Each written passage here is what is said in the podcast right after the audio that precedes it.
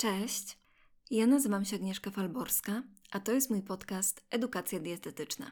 Podcast, w którym razem z zaproszonymi gośćmi będziemy rozmawiać o żywieniu, szeroko pojętym zdrowiu i jedzeniu.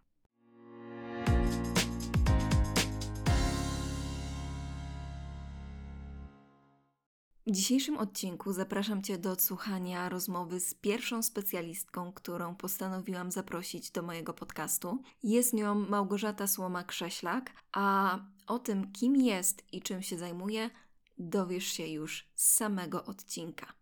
Tematem głównym jest insulinooporność, wokół której jest sporo mitów i niewątpliwie jest to temat, o którym mówi się dość dużo, stąd jestem pewna, że każdy, kto choć trochę nim się interesuje, właśnie w tym odcinku będzie mógł uzyskać odpowiedź na nurtującego pytania.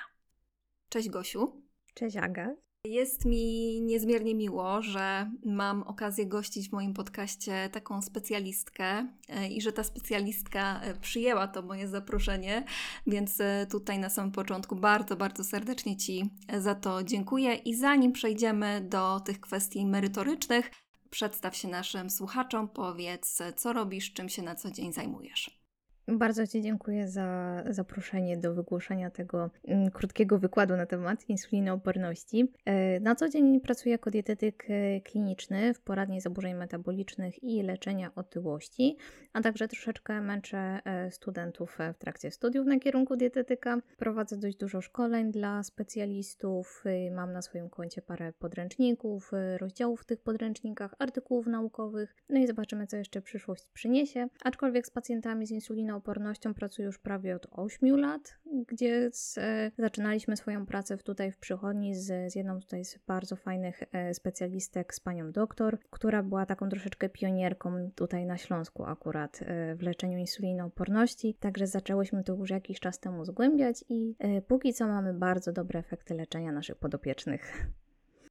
Bardzo Ci dziękuję za to przedstawienie, bo no pewnie są słuchacze, którzy już mieli z Tobą styczność, są pewnie tacy, którzy po raz pierwszy mają tutaj okazję Cię e, usłyszeć, więc e, tym bardziej się cieszę, że jest e, ku temu okazja.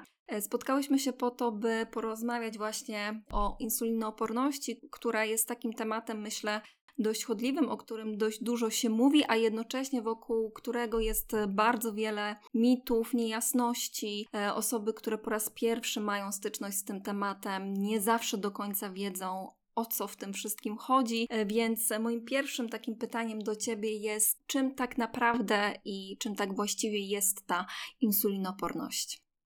Insulinooporność e, nie jest chorobą, a jest zaburzeniem.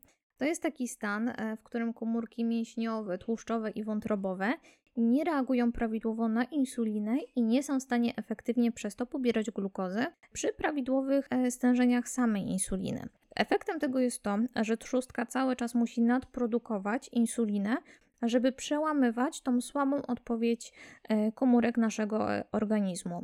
Dzięki tej nadprodukcji insuliny przez jakiś czas nasza e, glikemia, czyli poziom cukru, czy nacho, czy po posiłkach, jest utrzymywana w prawidłowych wartościach, e, nie generuje od razu jakichś powikłań e, późniejszych tutaj zaburzeń gospodarki węglowodanowej. Okej, okay, czyli tak jak powiedziałaś, nie jest to choroba, więc pojawia się też takie pytanie, co jeśli trafimy do gabinetu lekarskiego? Przede wszystkim e, prawdopodobnie do tego gabinetu lekarskiego zaprowadzą nas e, nasze różne objawy. I tutaj warto nadmienić to, że insulinooporność ma takie bardzo niespecyficzne objawy. Praktycznie wszystko, co zaraz postaram się wymienić, możemy zwrócić na to, że jesteśmy przemęczeni, jesteśmy niewyspani, mamy dużo obowiązków itd.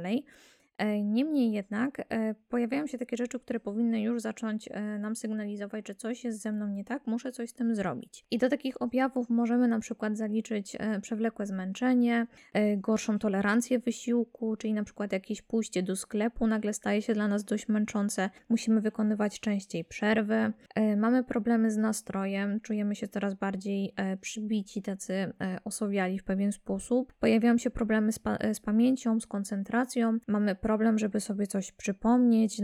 Napisanie maila zajmuje nam więcej czasu niż to ma miejsce zazwyczaj. Jesteśmy e, czasami rozdrażnieni, e, szczególnie pomiędzy posiłkami. Na przykład mamy takie różne e, zwiększenia albo pogorszenia tutaj naszego nastroju. Dodatkowo, takim bardzo już troszeczkę bardziej charakterystycznym objawem jest to, że mamy częste uczucie głodu około 2-3 godziny po posiłku i w tym czasie na przykład bardziej będzie nas ciągnąć na słodycze. I ten wzmożony apetyt na słodycze to też jest właśnie zawsze do zastanowienia się, czy przypadkiem e, nie zacząłem jeść, nie zaczęłam jeść więcej słodyczy w jakimś konkretnym czasie. Jeżeli to miało miejsce zawsze, no to mamy objaw niespecyficzny, ale jeżeli nagle tutaj z miłośnika słonych potraw przerzucamy się na te słodkie, to też może być jakiś taki sygnał, żeby się troszeczkę nad swoim stanem zdrowia zastanowić. No i to, to co pacjenci najczęściej zgłaszają, to jest bardzo duża senność po posiłkach. Zazwyczaj będzie to taka najbardziej e, wzmagana senność na przykład po obiedzie, czy ewentualnie można powiedzieć po największym posiłku w ciągu dnia. Co więcej, e, mogą się nam zacząć pojawiać na ciele takie brązowe plamy, na przykład na szyi.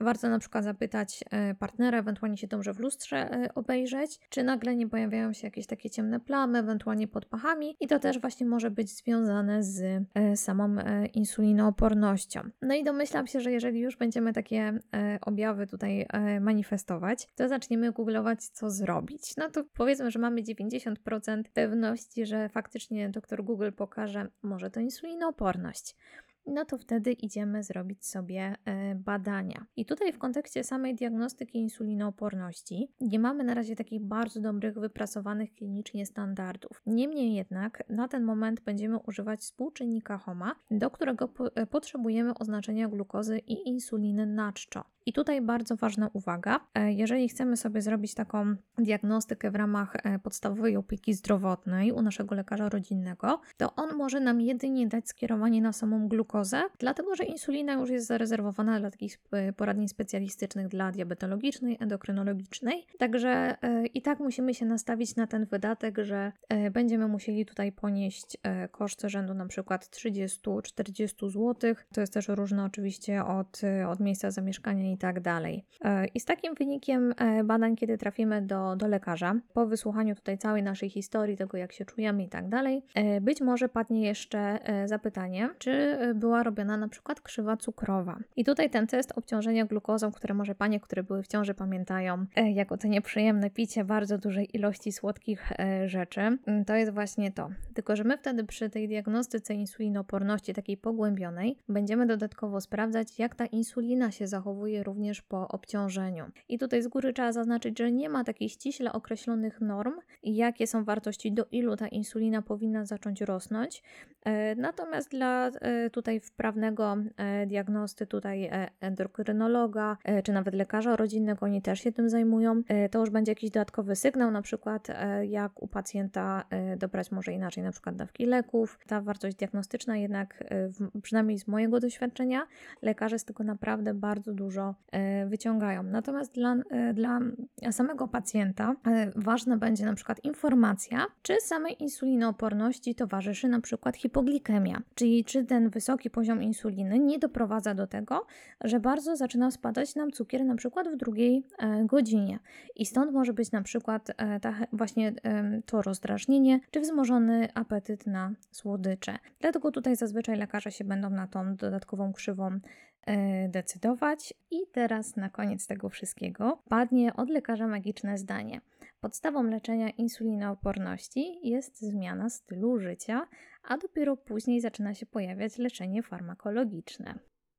I my o tej zmianie stylu życia właśnie będziemy jeszcze e, rozmawiać, konkretnie tutaj o diecie, jak ona powinna wyglądać, a jak nie powinna wyglądać w przypadku insulinoporności. Natomiast e, mi też od razu nasuwa się takie pytanie, skoro pojawił się tu wątek e, słodyczy, jedzenia większej ilości słodyczy. Jest to wątek związany z tym, że kiedy czytamy o insulinoporności, bardzo często można przeczytać w różnych, nie zawsze oczywiście wartościowych źródłach, że insulinooporność równa się tycie, czyli jeśli już mam insulinooporność, to jestem skazana czy skazany na tycie. Więc tu pytanie do Ciebie, Gosiu, jako eksperta, jak to jest z tym tyciem? Czy rzeczywiście ta insulinooporność tak nas skazuje, e, że totalnie nie jesteśmy w stanie nic z tym zrobić, czy może jednak tutaj mamy do czynienia raczej z taką półprawdą, czy wręcz mitem?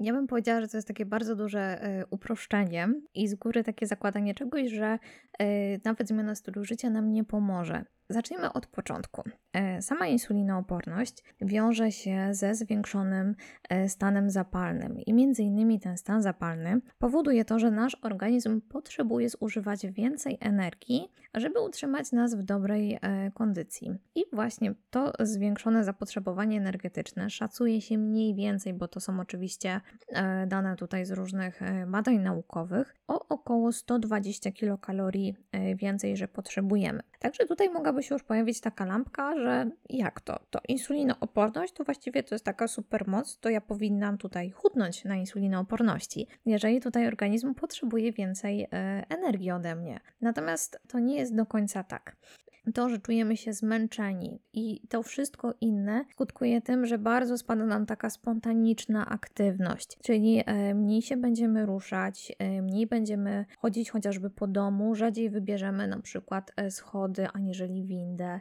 rzadziej może będziemy mieli ochotę zrobić jakieś bardziej gruntowne porządki czy późne jakieś rolki. Ogólnie to wszystko, co nam się kojarzy z taką aktywnością niezwiązaną z tym, że pójdziemy na trening, ściśle określone jakieś zajęcia tutaj fizyczne, chętniej będziemy leżeć na kanapie, dlatego że będziemy zbyt zmęczeni, żeby podjąć jakąkolwiek inną aktywność. E, dodatkowo może być też tak, że sama insulinooporność coraz częściej mówi się, że dotyka e, podwzgórza. Podwzgórze to jest taki bardzo ważny obszar mózgu, który jest odpowiedzialny za to, czy my się najadamy danym posiłkiem. I tutaj też mamy takie badania, które pokazują, że osoby z insulinoopornością mają problem w odczuwaniu właśnie głodu i sytości. Jest im się ciężej na najeść, co może z kolei prowadzić do nadkonsumpcji, czyli dodatniego bilansu energetycznego naszej e, diety. Także sama insulinooporność, żeby dać taki znak równości, że to jest tycie z powietrza e, i będzie to wyglądać na tej zasadzie, że e, będziemy szli ulicą, przejdziemy koło cukierni, na przykład w tłusty czwartek i od razu będzie magia plus 3 kg. Tak absolutnie się nie będzie dziać, aczkolwiek takie długie zwlekanie z diagnozą, ze zmianą stylu życia będzie faktycznie pogłębiać ten problem, będziemy częściej sięgać po dodatkowe przekąski. Oczywiście to obniżenie nastroju, gorsze samopoczucie też nas będzie pchać w kierunku czegoś, co będzie nam poprawiać humor, a niestety e, w dużej mierze jednak e, zazwyczaj jest to jakiś budziec e, do, do jedzenia. Także z, ogólnie powiedzmy, że insulinooporność sama w sobie jako takie zaburzenie nie powoduje tycia, natomiast to jak to oddziałuje na nasz organizm, co nam robi, to już będzie sprzyjać tutaj e, zwiększeniu masy ciała. Natomiast tutaj taka dość dobra e, informacja na pocieszenie, żeby nie było aż tak mrocznie. Nie ma na ten moment e, badań, które potwierdzałyby taki negatywny wpływ insulinooporności na tempo redukcji masy ciała. Więc jeżeli będziemy dobrze wszystko bilansować, nauczymy się tej zmiany stylu życia, no to jesteśmy tutaj na dobrej drodze, żeby wrócić do swojej najlepszej wersji siebie sprzed, e, sprzed insulinooporności. E, także e, miejmy nadzieję.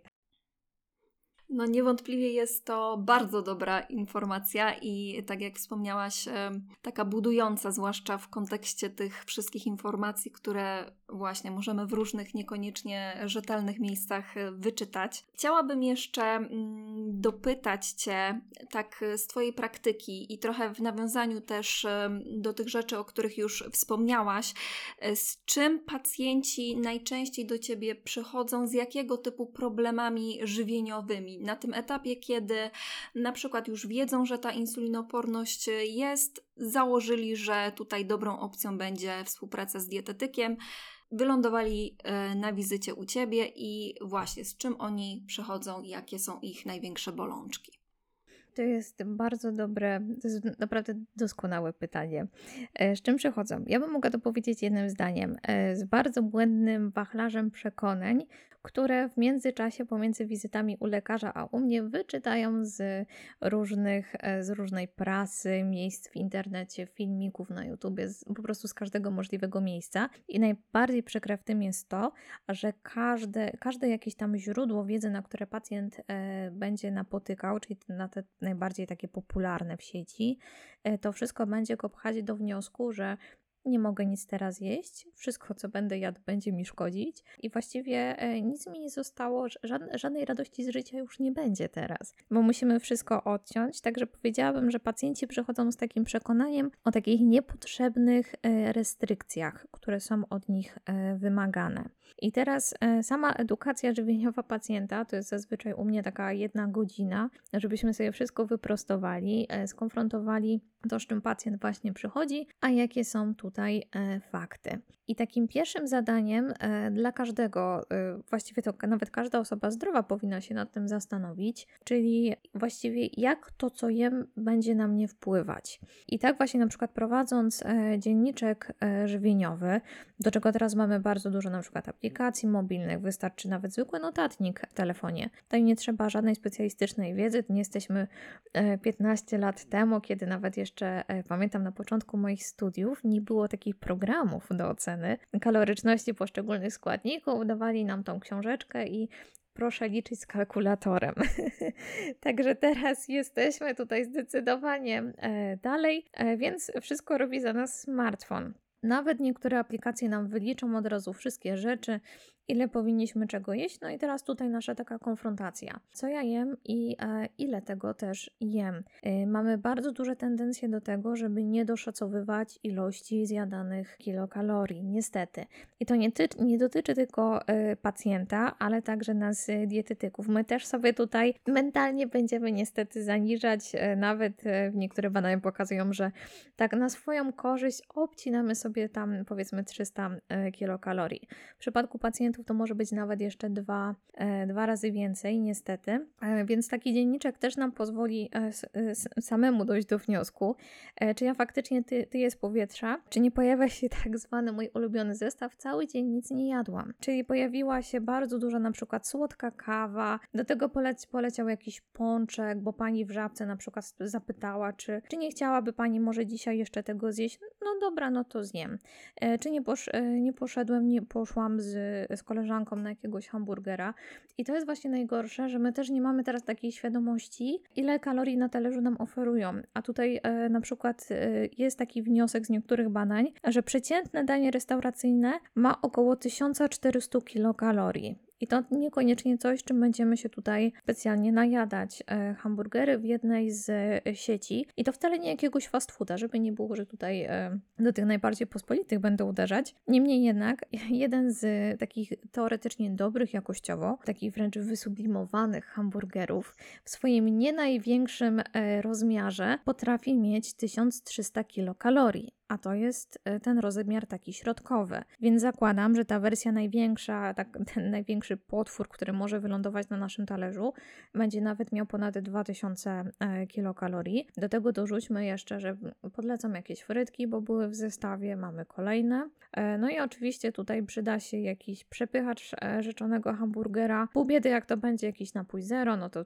nie wliczamy tego do bilansu. Niemniej jednak z takiego jednorazowego posiedzenia w restauracji możemy być bogaci nawet o 5000 kalorii i nawet tego nie poczuć. I teraz tutaj możemy znowu wrócić do tego, że pacjenci mają e, trudności w redukcji masy ciała, ewentualnie, że tyją z powietrza. I załóżmy, że ktoś już na przykład ma świadomość, że musi ograniczać, musi wygenerować tutaj ten ujemny bilans e, energetyczny, a stwierdzi, dobra, mamy weekend, zrobię sobie e, cheat weekend, cheat day, jakkolwiek by to nie nazwać i zaczyna dobijać sobie te dodatkowe 5000 kalorii. A niestety tu tutaj, gdyby pacjent chciał sobie wyjść nawet na zero, tutaj z tym na przykład posiłkiem, każdego dnia musiałby zjadać nawet około powiedzmy 500 kilokalorii mniej. Więc cała nasza ciężka praca, tutaj to, że liczymy, zwracamy uwagę na to, co zjedliśmy, ile tego zjedliśmy od, od poniedziałku do e, piątku, będzie niwelowane przez to, co się dzieje w weekend. I my nie jesteśmy w stanie sobie tego tak od razu e, połączyć tych kropek ze sobą, więc myślimy, jeśli my stosuję jakąś dietę, zmieniam to, e, robię dokładnie tak, jak napisało w jakiejś tam e, ulotce czy, czy na stronie, którą przeczytałem na temat insulinooporności, ja nie chudnę, dobra, potrzebuję większych obostrzeń, jeszcze większych restrykcji w swoim sposobie żywienia.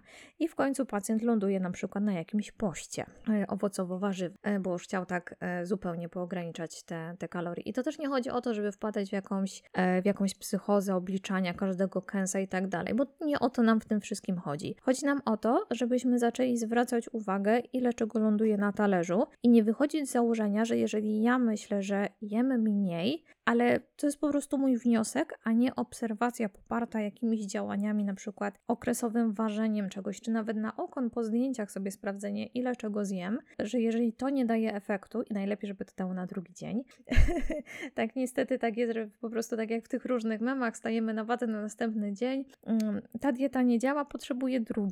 E, szczególnie jeżeli jeszcze ma to miejsce u kobiet, a jednak ta insulinooporność częściej będzie się e, gdzieś tam w właśnie populacji żeńskiej przejawiać, to pamiętajmy o tym, że na nasz pomiar masy ciała to wpływa tak dużo rzeczy w zależności od tego, którą mamy fazę cyklu, e, co zjedliśmy wcześniej, czy mamy zaparcia, że naprawdę ważenie się codziennie, ważenie się raz na tydzień jest już tutaj zbyt daleko idącym przedsięwzięciem. Także róbmy to po prostu z głową, zwracajmy uwagę na, na swoje obwody, czy ubrania nie robią się luźne. W ten sposób monitorujmy tutaj spadek masy ciała, żeby nie, nie, nie robić sobie samemu krzywdy. Czyli nie widzę efektów po tygodniu, coś nie działa i wchodzę głębiej i przechodzę do coraz to gorszych rzeczy. To nie o to w tym chodzi. Najważniejsze, żebyśmy mieli świadomość, że wszystko, co ląduje na naszym talerzu, będzie decydować o tym, czy ten ujemny bilans jest, czy nie. To jest nasza kwestia indywidualna, jak my do tego podejdziemy. Czy chcemy uczyć się przez jedzenie intuicyjne, żeby jeść zdrowo i szukać tych proporcji na talerzu, jak one powinny wyglądać, żeby zacząć tracić masę ciała, ale okresowe, okresowa nauka liczenia kalorii to nie jest nic e, złego co będzie nas e, wpychać w jakieś niekorzystne tutaj schematy e, zachowań. Tak, możemy liczyć raz na trzy dni, żeby sobie zrobić korektę, żeby się po prostu tego wszystkiego nauczyć. I dodatkowo prowadząc taki swój indywidualny dzienniczek e, żywieniowy, powinniśmy sobie stawiać takie dość ważne pytania w takiej swojej własnej obserwacji. To są na przykład, żeby się zastanowić, czego brakowało mi w ciągu dnia, na co miałem ochotę, kiedy miałem na to ochotę, co się zdarzyło wcześniej jakie na przykład czuję emocje, żeby w ogóle e, zrobić sobie taką skalę głodu. Dzięki temu uczymy się bardzo ważnej rzeczy, czyli różnicowania głodu pomiędzy apetytem. Czyli wtedy, kiedy zaczynamy się nudzić i pojawia się ta myśl, mm, coś bym zjadł, czy na przykład jak oglądamy jakiś e, serial, film i tak dalej. Czy są posiłki w ciągu dnia, które powinny być dla nas większe, które powodują to, że po godzinie już jesteśmy głodni, zamiast na przykład wytrzymać 4 godziny z powodzeniem bez myślenia o żadnym jedzeniu. Czy pojawia się jakiś rodzaj produktu, czy ewentualnie jedzenia, po którym się bardzo szybko robimy głodni, czy coś sprawia nam trudność na przykład w przygotowaniu posiłków. Na przykład jeżeli na drugie śniadanie sprawdzają się lepiej kanapki, bo są szybsze, okej, okay, mogą być kanapki, nie musimy tutaj nagle chcieć sobie robić jakichś e, super prozdrowotnych e, bowli pełnych e, superfoods i tak dalej, kiedy nie mamy na przykład jak tego podgrzać, zjeść, czy e, w ogóle nie mamy czasu rano tego zrobić. Także można jeść nawet kanapki cały dzień i to dalej będzie naprawdę fajnie, dobrze zbilansowana dieta. E, czy ewentualnie zastanowić się nad tym, e, jak jakie mamy odczucia po zjedzeniu czegoś. Czy ta sytość faktycznie jest taka wysoka, czy jednak pojawia się ta myśl, no może jeszcze coś bym zjadł. No oczywiście nie mówię o tych takich okazjonalnych sytuacjach, że są święta, no to oczywiście wiadomo, że występuje coś takiego w anatomii jak żołądek deserowy, tak?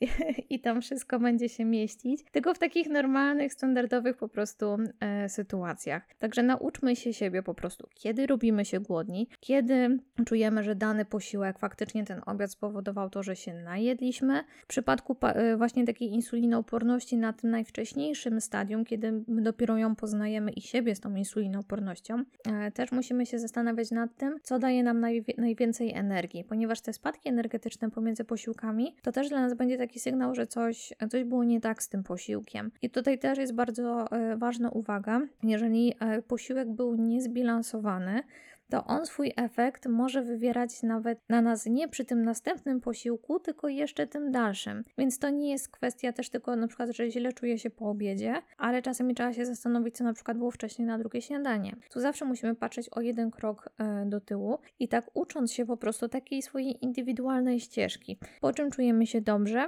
po czym czujemy się gorzej, kiedy mamy więcej energii. E, to jest tak najlepiej po prostu taka też właściwie autodiagnoza swoich potrzeb żywieniowych w pewien, e, w pewien sposób. I to naprawdę bardzo widać, kiedy pacjent na przykład przechodzi, zaczyna stosować jakąś na przykład indywidualną dietę, bo stwierdza, że na początek to będzie dla niego wygodne. To pierwsze, co słyszę od swoich pacjentek, kiedy przychodzą do mnie na kontrolę, to mówią, że mają tyle energii, że mąż e, zastanawia się, co kto podmienił żonę na przykład. Co tutaj się stało? Nagle mają taką siłę sprawczą. E, jedna pacjentka mówi, że ona hobbystycznie po prostu zaczęła sobie e, z radością tak tuptać po domu, bo po prostu tak dawno tego nie robiła, że to jej teraz sprawia przyjemność i na przykład potrafi sobie gdzieś tam na przykład po samym domu na przykład bić 3000 kroków.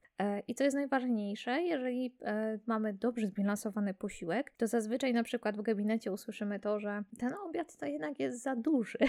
Nawet na diecie redukcyjnej pacjenci będą mogli zgłosić, że są przejedzeni. Więc też nie utożsamiajmy też e, tego, że jeżeli mamy ujemny bilans energetyczny, czyli jemy mniej, to będziemy chodzić głodni. Na diecie nie można chodzić głodnym. to jest taki złoty standard.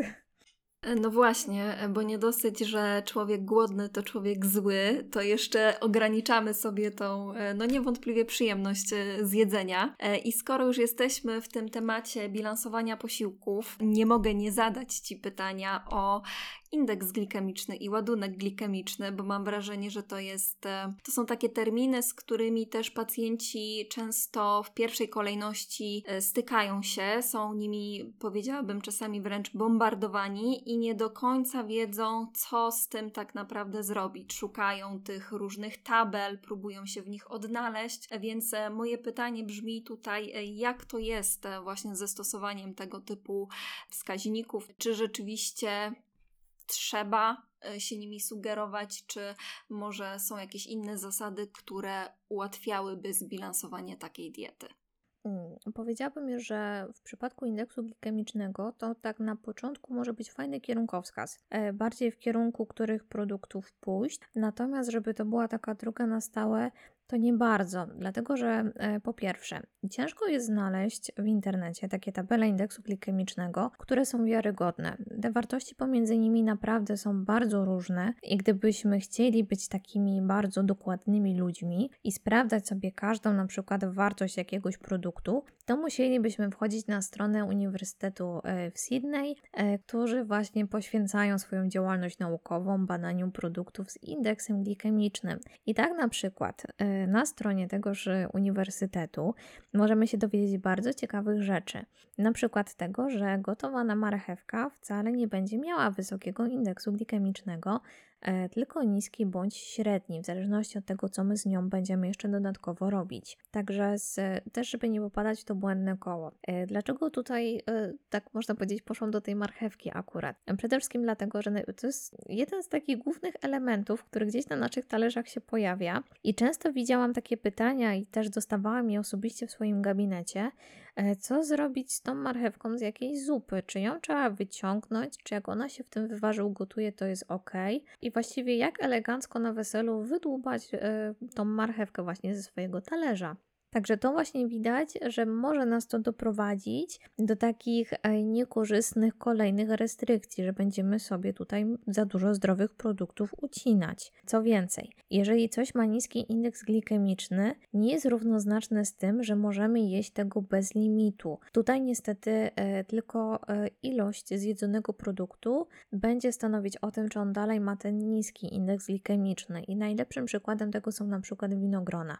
Niski indeks glikemiczny chemiczny winogron dotyczy takiej porcji na, na dłoni, takiej 70 gram. Natomiast uważam, że ze świecą szukać kogoś, kto na przykład kupi sobie zielony winogronik, ten mały, bezpestkowy i zatrzyma się na tej garści, bo to może być na przykład rozumowanie, owoc jest zdrowy, to ja zamiast tych chipsów e, zjem te pół kilograma albo kilogram tych winogron, tak? To, to też nie o to w tym chodzi. Natomiast idąc do ładunku glikemicznego, ciężko jest to robić samemu. To musielibyśmy chodzić e, na bieżąco ze wszystkimi informacjami, ważyć te produkty, sprawdzać ile tego jest, liczyć te ładunki glikemiczne. E, oczywiście są aplikacje mobilne, które mogą to za nas zrobić, ale tutaj też trzeba podkreślić, że im większa będzie nasza kaloryczność diety, ta dzienna, tym większe będzie zatem szło na przykład spożycie węglowodanów. I zrobienie niskiego ładunku glikemicznego całodziennej diety bez jakiegoś dużego obcięcia węglowodanów będzie ciężkie.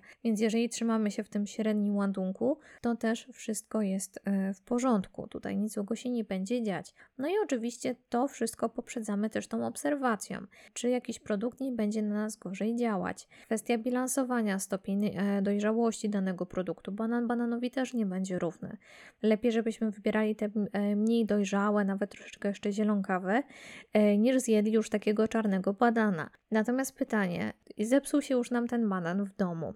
Nikt poza nami tego banana nie chce zjeść, wyrzucić go, no właśnie też nie. My tego nawet ciemnego banana możemy ograć, żeby nie marnować e, żywności. Tylko zróbmy go na przykład na połówkę. Podzielmy tą jedną sztukę banana na pół. Dodajmy sobie do e, serka wysokobiałkowego, czy do serka wiejskiego, e, czy do na przykład jogurtu typu islandzkiego. Wrzućmy do tego jakieś na przykład otręby. Dajmy łyżeczkę masła orzechowego, garstkę orzechów, żeby tutaj działać też przeciwzapalnie. I to jest naprawdę wtedy fajnie zbilansowany posiłek, e, którego możemy ograć na wiele e, na wiele pozytywnych e, tutaj, tak można powiedzieć, kierunków, żeby nawet ten czarny banan o wysokim indeksie glikemicznym nie powodował tego, że będziemy się gorzej czuć. I takie miejsce właściwie jest przy każdym produkcie. Wszystko możemy gdzieś tam wkomponować w posiłek, tylko to będzie kwestia tych ilości. Jeżeli ktoś, ktoś ze Śląska będzie nas słuchał i lubi na przykład kluski śląskie, on nie musi tych klusek śląskich absolutnie odstawiać ze swojej diety. Tylko niech to będzie w ten sposób zrobione, że jeżeli mamy talerz obiadowy, to pół tego talerza to będzie jakaś surówka, a reszta, czyli jedna czwarta tego talerza, poza oczywiście na przykład roladą, jeżeli to ma być taki ortodoksyjny, niedzielny śląski obiad, to niech to będą te kluski śląskie, tylko pamiętajmy o proporcji. Więcej warzyw, mniej klusek. I kolejną rzeczą, którą możemy dla siebie zrobić, żeby nawet te produkty o wysokim indeksie nie działały na nas niekorzystnie, to jest zjadanie poszczególnych elementów posiłku w konkretnej kolejności. Jeżeli nauczymy się tego, że najpierw zjadamy warzywa, a dopiero potem sięgamy na przykład po tą kluseczkę e, z tą roladą, to dzięki temu ta insulina i glukoza będą wzrastać o wiele mniej, niż gdybyśmy zaczęli od na przykład samych klusek czy, czy jakichś ziemniaczków. Także nawet ta kolejność spożywania poszczególnych elementów posiłków e, ma znaczenie i to jest coś, co możemy od razu zmienić. Także jeżeli słuchacie tego na przykład do kolacji, to zróbcie tak, że te warzywa, które dodacie sobie do posiłku, to nie kładźcie ich na kanapkę, tylko obok na talerzyku. Zjedzcie najpierw te warzywa, potem kanapkę i zobaczcie, po jakim czasie zaczniecie czuć różnicę, że coś jest e, inaczej. Też będziecie mieć większe uczucie sytości. Jeżeli chodzi o te warzywa, bo one też gdzieś się tutaj z tym indeksem e, dość mocno łączą, e, to jest ta kwestia, że pacjenci słyszą cały czas jak najwięcej warzyw do posiłku. No jeżeli pacjent słyszy jak najwięcej warzyw do posiłku, no to myśli tak pół kilo na posiłek, czy jeszcze więcej, tak patrzy, na przykład doda jednego pomidora, takiego dużego, bo załóżmy, że mamy lato.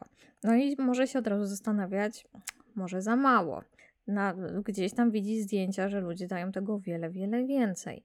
Także nie. Załóżmy, że mniej więcej taką normą na posiłek to jest około 200-300 gram e, warzyw jako dodatek. Czyli to na przykład jest jeden duży pomidor i do tego na przykład trzy rzodkiewki. I to naprawdę będzie w porządku. Też nie będzie niczym e, złym, jeżeli stwierdzimy danego dnia, że nie mamy ochoty na jakieś warzywo do każdego posiłku. E, nie musimy dorzucać ogórka do, do owsianki na przykład. Chociaż e, są też tutaj koneserzy owsianek na wytrawnie, nie oceniam. Aczkolwiek dodatek na przykład marchewki do takiej słodkiej owsianki E, zrobione z jakimś owocem, cynamonem, e, orzechami, też może fajnie działać, także też się nie zamykajmy na takie eksperymenty kulinarne. Także pamiętajmy o tym, nie musimy do każdego posiłku z uporem maniaka pchać jak najwięcej ilości warzyw. Dlatego że to też będzie skutkować tym, że tak można powiedzieć, przyciśniemy się tydzień, dwa tygodnie, na trzeci tydzień pójdzie informacja do, do swojego tutaj e, opiekuna, lekarza czy dietetyka, że ja już nie mogę patrzeć na te warzywa, proszę je ode mnie zabrać. Widzę warzywa i mi się cofa, bo po prostu jeżeli będziemy coś siebie w ten sposób wmuszać, a robić z tego przykry obowiązek, no to nie jest droga, która doprowadzi nas do, do jakiegoś długotrwałego e, sukcesu, a też musimy mieć tą świadomość, że insulinooporność e, to jest e, takie zaburzenie, które wymaga od nas trwałą zmianę nawyków żywieniowych. Bo jeżeli my wytrzymamy pół roku na powiedzmy diecie przy insulinooporności, a wrócimy do tego, co było wcześniej, e, rok temu, dwa lata temu, to ta insulinooporność znowu nam pomacha, że cześć, wróciłam. Wróciłam z tego urlopu, który mi zafundowały swoją krótkotrwałą e, zmianą nawyków żywieniowych. Dlatego właśnie wcześniej wspominałam o tej nauce swojego organizmu żebyśmy się nauczyli, co nam szkodzi, co nie, dlatego że nie ma jednej ścieżki uniwersalnej dla każdego, że każdy powinien iść jakimś określonym przez kogoś schematem, jak coś robić. My musimy wybrać takie rzeczy, które będą z nami już e, na stałe, czyli może to będzie kontrowersyjne, co powiem, ale jeżeli coś, e, coś lubimy jeść, czy są to słodycze, to te słodycze na przykład też możemy wpleść w tą dietę. Nie musimy nagle przez rok zamknąć się w domu i nie wychodzić nigdzie ze znajomymi. Absolutnie nie. Tu jest kwestia, żebyśmy starali się wybierać te zdrowsze rzeczy. Natomiast pamiętajmy tutaj o zasadzie 80 na 20, czyli w najprostszy sposób mówiąc, 80% to jest nasz zdro zdrowy talerz, a 20% tutaj różnych e, różnych dodatków poza ten zdrowy talerz, to będzie nasz dobrostan psychiczny, żeby nie, nie powodować tych takich zbyt dużych restrykcji, które będą nas skłaniać do tego, żeby to złamać. Potem oczywiście po złamaniu mieć takie mocne postanowienie poprawy i zaliczyć znowu to błędne koło. I będziemy się tak przez 3 lata męczyć, aż w końcu będzie za późno na tą interwencję stylu życia, czy jeszcze gorsze rzeczy. E, sam na przykład indeks glikemiczny, tak idąc już e, dalej od tych słodyczy, e, dużo w cudzysłowie niezdrowych rzeczy będzie miało niski indeks glikemiczny, na przykład Nutella. No i pytanie, czy to jest coś, na czym powinniśmy tą naszą dietę o niskim indeksie opierać? No, no właśnie, chyba nie. Dlatego tu można trochę ten indeks podważyć. Także tak reasumując, to jest fajny kierunkowskaz na samym początku, żeby się tego nauczyć, zobaczyć, co wpływa na to, jak szybko będzie nam na przykład wzrastać glikemia poposiłkowa właśnie w kontekście tego indeksu, ale wyłapać te rzeczy takie najważniejsze, to co na nas osobiście działa, ale nie robić z tego ortodoksyjnej ścieżki nisko, niskoindeksowej, e, która będzie prowadzić do tych niepotrzebnych restrykcji albo tego, że będziemy nałogowo obliczać ładunek glikemiczny danej potrawy. Także sprawdzajmy jak się po czymś czujemy, ale bez takich ortodoksji e, typu wydłumanie gotowanej marchewki z rosołu, bo to nie o to w tym chodzi. W temacie takich kombinowanych owsianek to jeszcze mogę tutaj podrzucić dla tych wielbicieli wytrawnych opcji e, owsianka z cukinią. To jest jeszcze też taki hit internetowy, gdzie właśnie jest ten dodatek e, warzywny, więc jeśli ktoś byłby zainteresowany spróbowaniem, to zachęcam. E, bardzo się cieszę, że też wspomniałaś o kwestii tego niemarnowania żywności i tu też przy okazji słuchaczy odsyłam do jednego z odcinków o właśnie diecie Zero Waste jest, e, czyli jak się okazuje, da się też taką dietę nastawioną na to, by nie marnować, łączyć e, właśnie z terapią w kontekście różnego typu e, problemów, zaburzeń. I już trochę przechodząc do końca naszej rozmowy, chciałabym Cię poprosić o kilka porad. Oczywiście ich już tutaj się sporo pojawiło, takich, które mogłabyś dać osobom, które dowiedziały się, że tą insulinoporność e, mają, są jeszcze zielone w temacie i co mogłyby zrobić, od czego mogłyby zacząć? Jakie masz tutaj ty jako specjalistka w tym temacie dla nich porady? Mm, z takich e, szybkich rzeczy, które możemy zrobić na już to przede wszystkim będzie y, odpowiednie komponowanie posiłków w bardzo prosty sposób. Załóżmy, że każdy posiłek, który y, będziemy spożywać, powinien y, mieć w swoim składzie tutaj jakieś źródło białka. Może być to mięso, mogą być to strączki, czy ewentualnie jeszcze jakieś jajka, cokolwiek, co nam przyjdzie właśnie tutaj na mysł. I to białko jest o tyle ważne, że ono będzie generować najwyższe uczucie sytości. Ono będzie odpowiedzialne za to, jak szybko zrobimy się głodni po danym posiłku posiłku. E, białko w każdym posiłku powinno się znajdować i to będzie około 25 do 30 gram. I żeby tą normę zrealizować, e, możemy na przykład zjeść jedno opakowanie serka wiejskiego, e, jedno opakowanie jogurtu islandzkiego, mogą być to 3 jajka na śniadanie, może być to 300 gram tofu do tłucznicy w kontekście właśnie do tych jajek, może być to 100 gram jakiegoś mięsa, tutaj na przykład piersi z kurczaka i zachowując te proporcje w każdym posiłku będziemy na pewno syci, nie będzie nam się chciało dojadać, a dzięki eliminacji właśnie podjadania pomiędzy posiłkami będziemy ograniczać niepotrzebne wyrzuty insuliny, o co nam tutaj bardzo mocno też chodzi. Także nauczmy się tego, że mamy na przykład cztery główne posiłki i pomiędzy nimi tylko na przykład e, pijemy sobie herbatę, pijemy wodę i tak dalej, natomiast nic już nie podjadamy, żeby ta insulina mogła wrócić do prawidłowego poziomu, żebyśmy cały czas tej trzustki też tak nie szturchali do pracy. I co się też e, z tym wiąże, jeżeli lubimy pić bardzo duże latte na przykład na,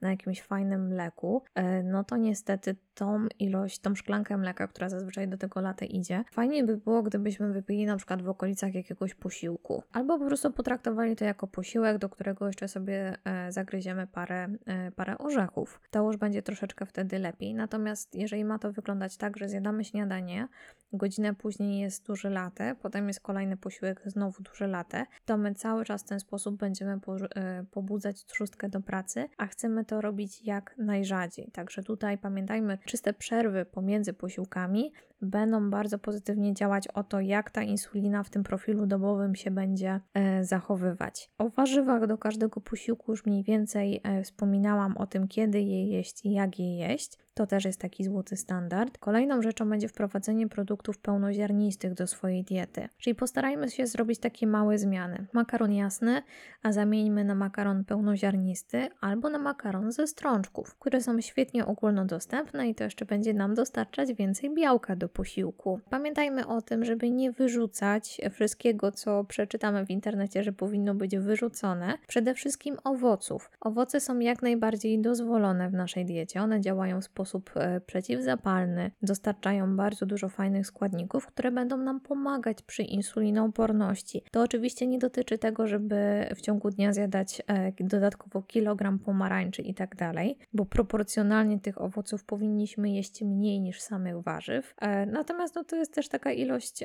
owoców, które ciężko zazwyczaj jest przejeść zwracajmy uwagę na swoje samopoczucie po posiłkach. W ten sposób nauczymy się tego, e, co ewentualnie zmieniać w danym posiłku, co zrobić, żeby czuć się lepiej i starać się e, może monitorować w pewien sposób na przykład ilość przyjmowanych, przyjmowanej energii w ciągu dnia. To nie musi być od razu liczenie w jakiejś aplikacji i tak dalej.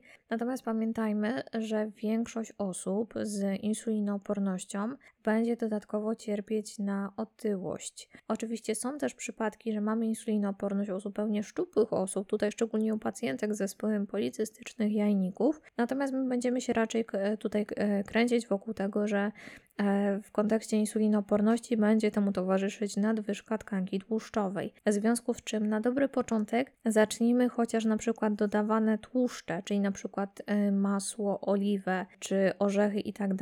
Zacznijmy to odmierzać na łyżki. Nie lejmy na patelnię czy do sałatki na oko po prostu tak chluśnięcie tej oliwy, dlatego że w ten sposób nie będzie najmniejszego problemu, żeby dołożyć sobie na przykład dodatkowe 500 kilokalorii do posiłku. To jest naprawdę bardzo mała objętość, a duża gęstość energetyczna. I też idąc do gęstości energetycznej, polecam zajrzeć sobie do czegoś takiego jak indeks sytości. Tutaj akurat jest dość dużo fajnych tabel dostępnych online i opierając swoją dietę właśnie na tym indeksie sytości, będziemy w stanie tutaj zapewnić sobie maksymalny e, czas wytrzymania tutaj bez jakiejś dodatkowej e, przekąski. Pamiętajmy o tym, że robienie co tydzień e, cheat weekendów, cheat dayów też nie będzie tutaj poprawne, dlatego że na początku leczenia insulinooporności może być nam ciężko później po takiej eskapadzie wyjść na prostą. Więc jeżeli to ma być e, cheat weekend nawet, to dalej rozummy to w ten sposób, że to jest zdrowe jedzenie, ale nie zwracamy uwagi na ilości, ale to nie jest rzucanie się na wszystko, co znajduje się po ciemnej stronie mocy tutaj dietetycznej. To nie o to tutaj w tym chodzi i to też będzie rodzić takie naszą niezdrową relację z, z jedzeniem. Także tutaj ostrożnie tutaj z tymi cheat dayami, cheat weekami i tak dalej. Wszystko możemy sobie wkomponować na zasadzie, na zasadzie 80 na 20. Pamiętajmy, że białko roślinne jest bardzo fajnym elementem leczenia samej insulinooporności do zmniejszania stanu zapalnego, modulowania mikrobioty E, w naszych jelitach, także wszelkiego rodzaju pasty warzywne, które możemy zrobić sami, ale możemy też sobie kupić pasty o bardzo dobrym składzie roślinne w sklepach. To też będzie lepszy wybór niż na przykład jakieś przetworzone kabanosy na talerzu. Także to są takie właśnie małe zmiany, które będą składać się na taki duży e, efekt. Jeżeli będziecie szukać jakiejś diety, diety dla osób z insulinoopornością, to ja właściwie poleciłabym takie dwa modele, czyli to będzie albo dieta śródziemnomorska, albo dieta DASH. Dieta DASH jest o tyle fajna, że mamy do tego e, takie gotowe tabele, takie racje pokarmowe, które pokazują ile porcji danej grupy zjeść, żeby na przykład uzbierać kaloryczność powiedzmy 2000 kalorii i mieć tutaj wszystko skonstruowane z dietą DASH. Dieta DASH jest też o tyle fajna, że badania e, bardzo dobrze pokazują taką zależność, że nawet jeżeli e, nie e, tutaj stosowaniu tej diety nie będzie towarzyszyć redukcja masy ciała, to nasze wyniki badań i tak będą się poprawiać a najbardziej będą poprawiać się wtedy, kiedy tą masę ciała będziemy redukować, bo będziemy tego głównego agresora tkankę tłuszczową po prostu eliminować. Pamiętajmy także o robieniu profilaktycznych badań, dlatego że insulinooporność e, rzadko chodzi samotnie, bardzo często towarzyszą temu e, zaburzenia w lipidogramie, na zwiększenie trakcji LDL, zwiększone, zwiększone stężenie trójglicerydów, ewentualnie problemy z tarczycą, właśnie zespół policystycznych jajników, ciśnienie, czy już E, niealkoholowe stłuszczenie wątroby. Także USG jamy brzusznej też sobie jest dobrze zrobić, jeżeli nigdy go nie robiliśmy,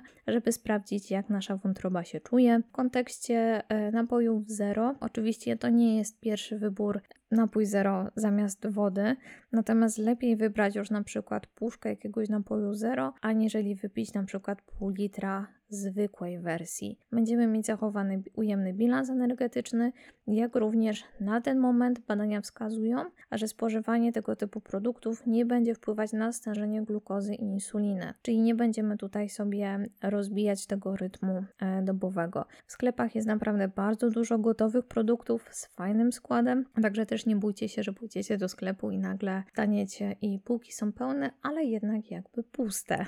Także najważniejsze trzy wdechy to jest ten moment, kiedy organizm mówi: Cześć, musisz się teraz mną zająć, a jak będziesz, będziemy razem współpracować, to wszystko będzie dobrze. Żeby też się tutaj nie przejmować i nie wpadać w taką czarną po prostu otchłań rozpaczy. Wiadomo, fajnie by było, gdybyśmy tej insulinooporności nie mieli, ale może to jest dla nas ten sygnał, że możemy coś zmienić i e, ustrzec się przed takimi długoterminowymi konsekwencjami samej insulinooporności, a jest ich naprawdę bardzo dużo.